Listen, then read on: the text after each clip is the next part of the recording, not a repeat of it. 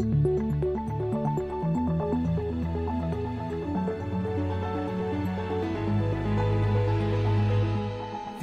This Morning.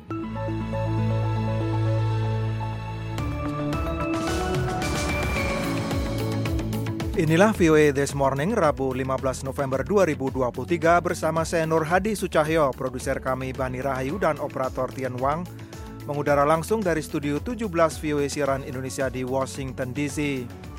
Apa kabar pendengar semua? Semoga baik dan sehat selalu. Hingga Selasa pagi waktu Amerika atau Selasa malam di Indonesia, Presiden Jokowi masih ada di Washington DC sebelum melanjutkan perjalanan ke San Francisco untuk mengikuti KTT APEC.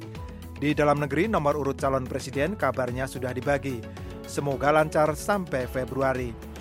Menemani aktivitas Anda pagi ini, kami akan sampaikan sejumlah laporan baik dari dalam maupun luar negeri. Ada laporan dari San Francisco yang sedang bersiap menjadi tuan rumah KTT APEC dengan demonstrasi yang mewarnainya.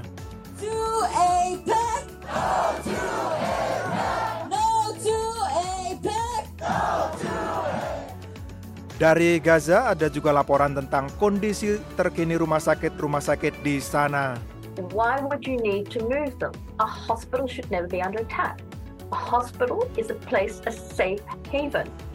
Siaran ini dapat juga disimak secara live streaming di situs kami di www.voaindonesia.com atau melalui podcast VOA This Morning di platform podcast langganan Anda. Untuk mengawali rangkaian laporan itu, saya akan bacakan sejumlah berita dunia. Puluhan ribu pendukung Israel memadati kawasan Monumen Nasional di jantung ibu kota Washington DC selasa siang untuk menyatakan rasa solidaritas melawan Hamas dan menuntut pembebasan semua orang yang disandera kelompok militan itu. Sekitar 242 orang ditangkap dan disandera Hamas ketika melancarkan serangan pendahuluan ke Israel pada 7 Oktober lalu. Serangan itu juga menewaskan 1.200 warga Israel. Ketua DPR Mike Johnson, pemimpin mayoritas Senat Chuck Schumer, dan pemimpin minoritas DPR Hakim Jeffries berpegangan tangan dan meneriakkan kata kami berdiri bersama Israel. Kebanyakan mereka yang datang dari negara bagian lain di luar ibu kota Washington DC. Deborah yang datang dari New Jersey bersama satu rombongan besar mengatakan, I'm here to stand for Israel. I think Israel has the right to defend themselves. Kami datang beramai-ramai untuk menunjukkan kepada publik bahwa Israel berhak membela diri terhadap organisasi teroris Hamas yang sudah menculik ratusan perempuan, anak-anak, dan lansia. Tidak boleh ada gencatan senjata hingga mereka semua dibebaskan dan kembali ke rumah dengan aman. Rusia pada Selasa menjatuhkan hukuman enam tahun penjara kepada seorang pria karena merusak poster tentara Rusia yang didekorasi sebagai para pahlawan karena bertempur di Ukraina.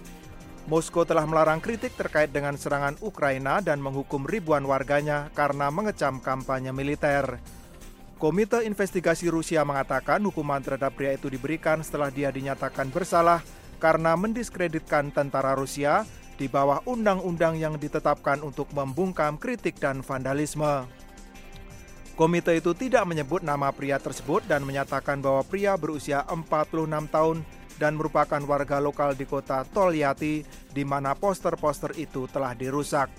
Kelompok HAM Memorial mengidentifikasi pria itu sebagai seorang guru bernama Alexei Arbuzenko. Komite juga menyatakan bahwa pelaku melibatkan anak laki-lakinya yang masih kecil ketika beraksi.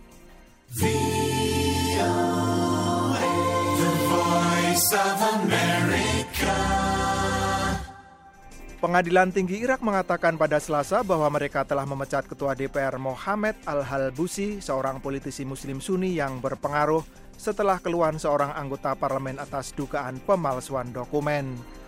Halbusi telah menjadi pejabat tertinggi di kelompok Sunni sejak dia menjadi Ketua DPR pada 2018 yang terpilih berkat dukungan dari partai-partai pro-Iran yang punya kekuatan besar di Irak. Dia terpilih kembali sebagai Ketua DPR pada Januari 2022 setelah pemilihan awal parlemen pada bulan Oktober tahun sebelumnya. Pengadilan menambahkan bahwa pihaknya juga mengakhiri mandat bagi anggota parlemen dari kelompok Sunni yang lain, Laid al-Dulaimi. Pengadilan mulai meninjau kasus yang diajukan kepada mereka pada Februari setelah Dulaimi menuduhnya memalsukan surat pengunduran diri, mengatakan bahwa Ketua DPR telah mengubah tanggal pada dokumen lama untuk memaksanya keluar dari parlemen.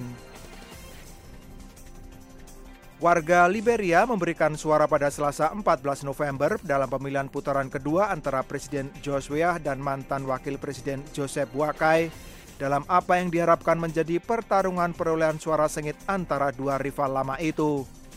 Mantan pemain sepak bola Wea yang menjabat pada 2018 menang dengan hanya selisih suara 7.000 melawan politisi karir Buakai dalam pemilu pada Oktober dan dia gagal memperoleh 50% suara untuk mengamankan kemenangan secara langsung. Weah telah meminta para pemilihnya memberikan kesempatan untuk memenuhi janji di masa jabatan pertamanya untuk membasmi korupsi dan memperbaiki kehidupan rakyat. Negara di Afrika Barat ini masih merasakan dampak dari dua perang saudara antara tahun 1989 dan 2003 dan epidemi Ebola pada 2013 sampai 2016 yang membunuh ribuan rakyat. Bangladesh saat ini sedang mengalami wabah terburuk demam berdarah dalam sejarah mereka dan para pakar menunjuk perubahan iklim sebagai faktor yang berkontribusi. Mereka menyatakan bahwa naiknya suhu dan musim monsun yang lebih panjang telah menciptakan kondisi yang optimal bagi nyamuk Aedes sebagai pembawa yang menyebarkan penyakit ini. Jumlah korban meninggal telah mencapai 1.400 tahun ini menurut data resmi, lima kali lipat lebih besar dari tahun 2022 dengan hampir 300 ribu orang terinfeksi.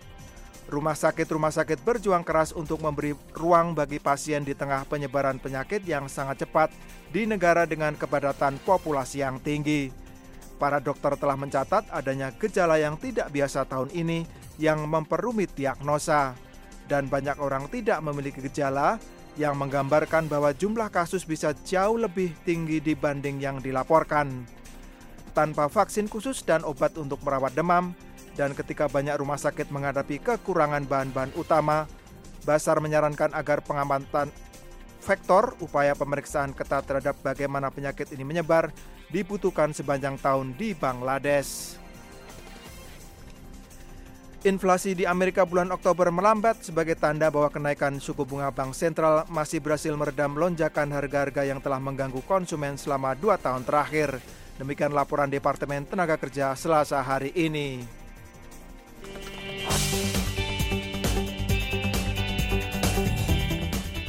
Pendengar, konferensi tingkat tinggi kerjasama Asia Pasifik atau APEC 2023 sudah dimulai sejak akhir pekan lalu dengan pertemuan di tingkat menteri. Bagaimana suasana terkini menjelang pertemuan para pemimpin negara dan delegasi dari 21 negara dalam forum ekonomi itu? Kita simak laporan langsung jurnalis VOA Rifan Dwiastono dari kota tuan rumah KTT APEC di San Francisco, California. Pendengar, kota San Francisco di California berbenah selama penyelenggaraan konferensi tingkat tinggi APEC atau Kerjasama Ekonomi Asia Pasifik tahun ini. Pemerintah setempat memindahkan para tunawisma yang biasanya tinggal di dalam tenda-tenda yang didirikan di sekitar lokasi penyelenggaraan KTT di gedung Moscone Center ke lokasi lain. Pengamanan di pusat kota San Francisco juga diperketat. Dalam perjalanan saya menuju ke lokasi KTT beberapa saat yang lalu, polisi berseragam dikerahkan di setiap blok dan sudut jalan, sementara sejumlah jalan juga diblokade untuk menjamin akses para delegasi. Aksi unjuk rasa juga masih terus berlangsung seperti yang ada di belakang saya ini. Tadi saya melihat pengunjuk rasa yang membawa poster bertuliskan Tiongkok memiliki camp-camp konsentrasi.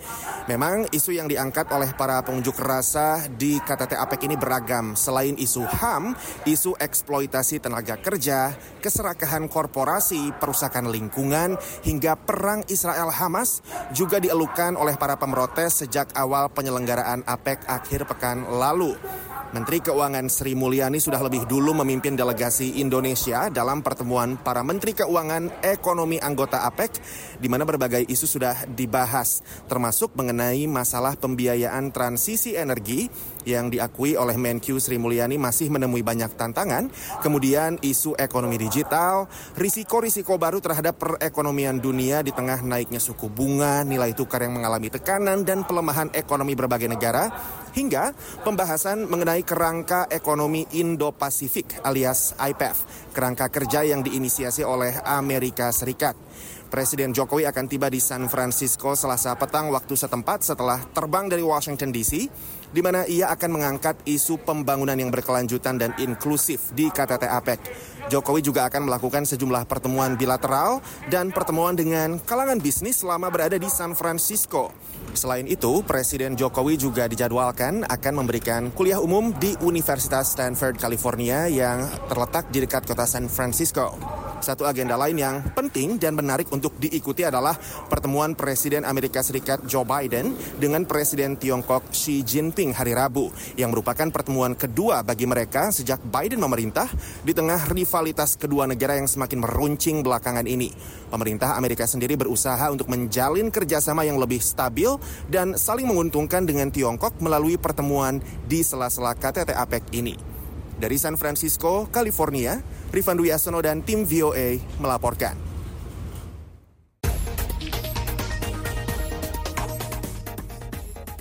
Terima kasih masih bersama kami. Pendengar lebih dari 20 ribu orang diperkirakan akan bertemu pekan ini di San Francisco, tempat para pemimpin 21 negara Asia Pasifik menghadiri KTT APEC. Para aktivis juga melihat KTT ini sebagai kesempatan agar suara mereka didengar. Berikut laporan tim VOA. Para pengunjuk rasa memenuhi trotoar kota San Francisco untuk menyampaikan sejumlah pesan dengan harapan agar didengar para pemimpin dari 21 negara di Asia Pasifik yang mengikuti KTT APEC.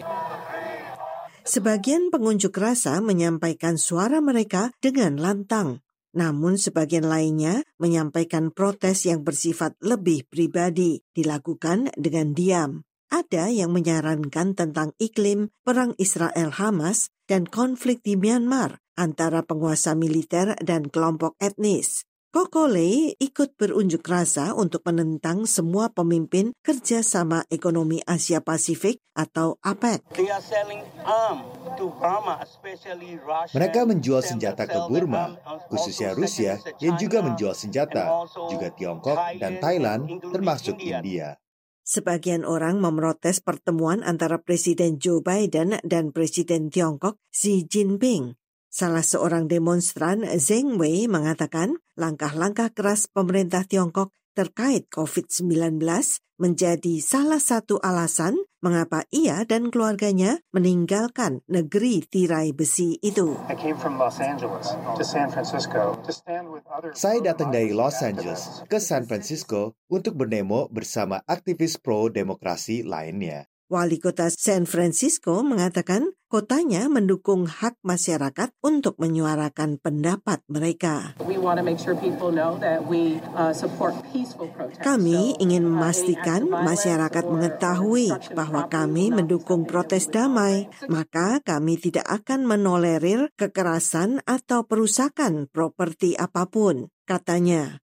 Selain menambah jumlah personel keamanan, dipasang pula sejumlah penghalang untuk menjamin keselamatan para pemimpin dunia dan juga para aktivis yang menyampaikan suara mereka. Puspita Sariwati, VOA, Washington.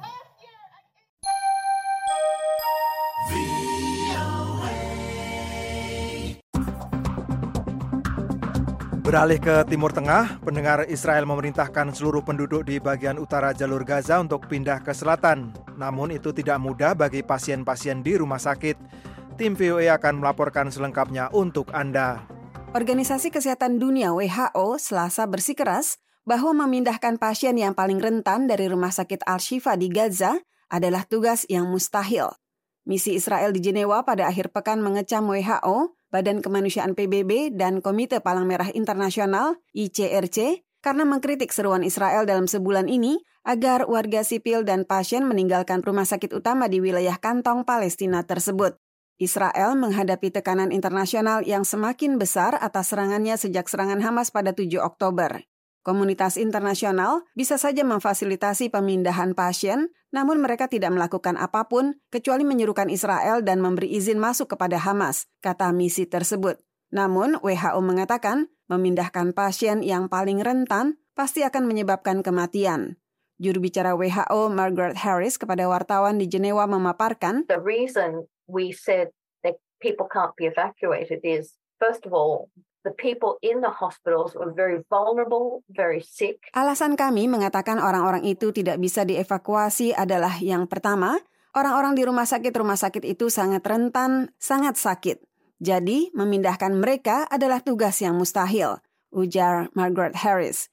Ia menambahkan bahwa memindahkan pasien berarti meminta dokter dan perawat untuk memindahkan orang-orang itu. Padahal para dokter dan perawat tahu memindahkan mereka berarti akan membunuh mereka. Harris menambahkan, And again, why would you need to move them? A hospital should never be under attack. Dan sekali lagi, mengapa kalian perlu memindahkan mereka? Rumah sakit seharusnya tidak diserang. Rumah sakit adalah tempat yang aman. Ini disetujui berdasarkan hukum kemanusiaan internasional, kata Harris. Pada Selasa, pasukan Israel berada di gerbang rumah sakit Al-Shifa yang menurut mereka terletak di atas markas komando bawah tanah Hamas. Namun, Hamas menyangkal tuduhan itu. Dokter mengatakan ribuan orang terdampar di dalam rumah sakit tersebut dalam kondisi yang mengerikan. Presiden Amerika Joe Biden mengatakan rumah sakit Shifa harus dilindungi.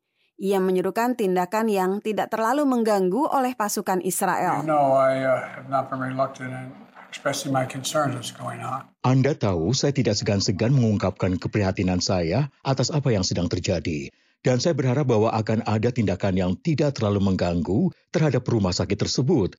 Kami telah melakukan kontak dengan pihak Israel. Pada Senin, militer Israel membagikan video dan foto yang dikatakan sebagai senjata yang disimpan Hamas di ruang bawah tanah Rantisi, rumah sakit anak di Gaza yang khusus merawat pasien kanker. Mereka juga mengatakan bahwa para sandera tampaknya ditahan di tempat itu. Karlina Amkas, VOA, Washington.